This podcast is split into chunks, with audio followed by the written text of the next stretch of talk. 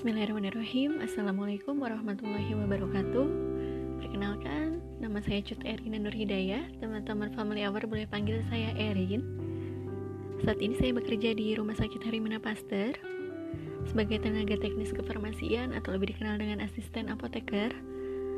Saya dulu kuliah di Poltekkes Bandung D3 Farmasi 2016 Pernah bekerja di Rumah Sakit Santosa Kebun Jati Bandung selama satu tahun dan saat ini di Harimana Pasteur udah jalan dua tahun lebih ya hampir tiga tahun. Oke okay, terima kasih buat teman-teman internal yang sudah memfasilitasi dan juga sudah nge-PM ya. Mohon maaf baru bisa sekarang.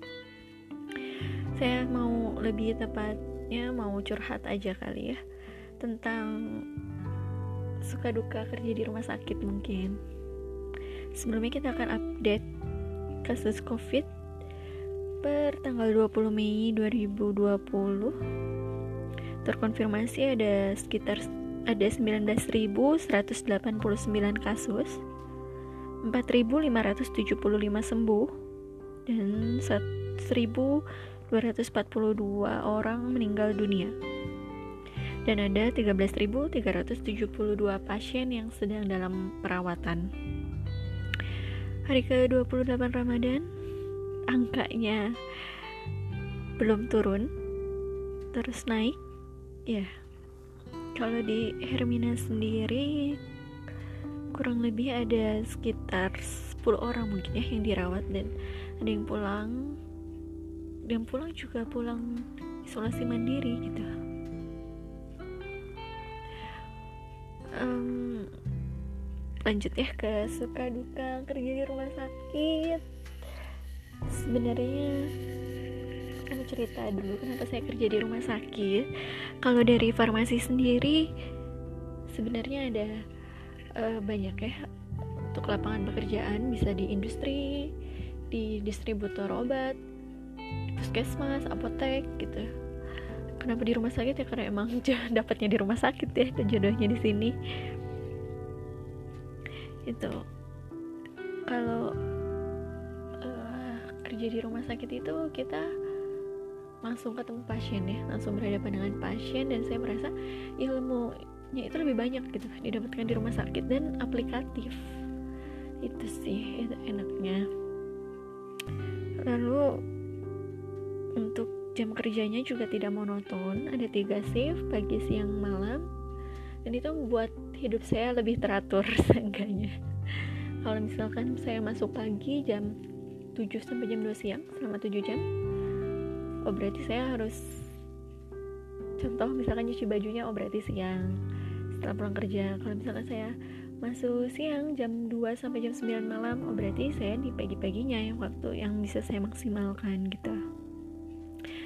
Uh, dukanya mungkin liburnya nggak kayak orang-orang termasuk saat lebaran juga ya. Liburnya nggak nggak pasti libur gitu dan nggak selalu sabtu minggu. Oke okay. apalagi ya? Itu aja mungkin. Dan ini yang paling mungkin ini yang cukup bermanfaat. Kalau kerja di rumah sakit itu kita merasa merasa gitu ya saya sendiri merasa dekat sekali dengan kematian. Kematian adalah nasihat terbaik. Ya. Betul gak? karena di rumah sakit itu antara hidup dan mati itu sangat tipis sekali bedanya. Saya mau kasih salah satu contoh. Pernah ada kejadian di baru-baru ini juga seorang ibu yang sedang berbelanja di Gria habis belanja di sebelah Hermina itu kan ada Gria ya. Di sebelah Hermina itu ada Gria ibu itu habis belanja mungkin dia lagi uh, nunggu mau nyebrang kali ya lagi ada di pinggir jalan kayak mau nyebrang terus tiba-tiba ditabrak oleh pengendara motor. Nah itu langsung di bawa ke IGD dan itu nggak bisa terselamatkan. Meninggal saat itu. Dan siapa sangka berbelanja. Gak ada yang tahu kan? Begitu juga dengan kematian kita. Kita nggak tahu kita akan dijemput oleh dalam keadaan seperti apa gitu kayak kemarin juga saya nonton film Titanic di TV gitu. Entah udah keberapa kalinya tapi kok kali ini tuh berbeda ya. Saya jadi mikir saya jadi teringat bahwa kita itu sedang dalam antrian menunggu giliran akan dijemput ya kan? Dari setiap orang-orang yang ada di kapal itu tuh pada akhirnya mereka akan mati bukan? Mereka tuh akan tidak terselamat gitu. Hanya beberapa orang yang selamat berapa ribu itu dari sekian ratus ribu mungkin.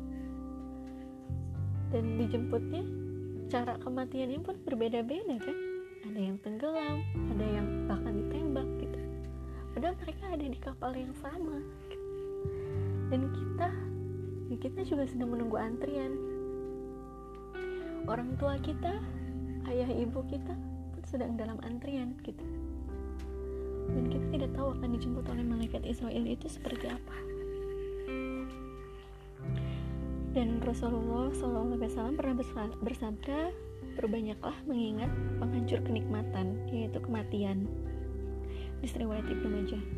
Yang pernah ada di sebuah kisah gitu. Terus uh, Aisyah pernah bertanya kepada Rasulullah Wahai Rasulullah, adakah orang-orang yang akan dibangkitkan dan para syuhada dan Rasulullah SAW menjawab ada yaitu orang-orang yang mengingat mati 20 kali dalam sehari nah kita berapa kali mengingat mati dalam sehari mungkin kita sebulan sekali mengingat kematian atau Ramadan aja gitu ya. sebenarnya yang buat kita takut mati itu apa banyak ya sebenarnya kenapa takut mati itu. Kalau tapi kalau dalam sebuah hadis lain gitu kematian yang tiba-tiba itu adalah rahmat bagi orang yang beriman tapi nestapa bagi orang yang durhaka gitu. Semoga kita termasuk ke dalam orang-orang yang beriman gitu yang menjemput kematian dalam keadaan sebaik-baiknya. Karena kita telah mempersiapkan bekal tentunya ya kehidupan di alam kubur, alam barzah, alam uh, penimbangan, suratul mustaqim dan lain-lain gitu. Karena itu gitu yang kita takutkan gitu. Dan pada akhirnya kita akan dimasukkan ke surga atau dimasukkan ke dalam neraka. Karena kita nggak bisa hidup hidup dalam keadaan main-main terus oke kita banyak mentoleransi diri sendiri gitu. Sehingga akhirnya kita melenceng dari tujuan kita walaupun satu derajat tapi ketika ditarik lurus terus menerus ya kita akan salah jalan juga gitu. Makanya itulah fungsinya mengingat kematian sebanyak-banyaknya sesering-seringnya karena itulah yang akan jadi salah satunya ya mengingatkan tujuan kita hidup itu untuk apa mungkin ini terlalu lama ya dan mungkin teman-teman juga udah bosen dengerinnya sebagai penutup saya akan bacakan surat Al-Hasyr surat ke-59 ayat 18 Allah berfirman, Wahai orang-orang yang beriman, bertakwalah kepada Allah dan hendaklah setiap orang memperhatikan apa yang telah diperbuatnya untuk hari esok akhirat. Dan bertakwalah kepada Allah. Sungguh Allah maha teliti terhadap apa yang kamu kerjakan mungkin kita udah berapa kali mengulang ayat itu. Tapi apakah kita benar-benar sudah mempersiapkannya semoga kita termasuk orang-orang yang mempersiapkan kematian hingga akhirnya bertemu dengan Rob dalam keadaan sebaik-baiknya. Dan bila teman-teman sudah di surga tapi tidak bertemu dengan saya tidak berjumpa dengan saya semoga teman-teman bisa mencari saya dan mengajak saya masuk ke surga. Terima kasih ya. Assalamualaikum warahmatullahi wabarakatuh.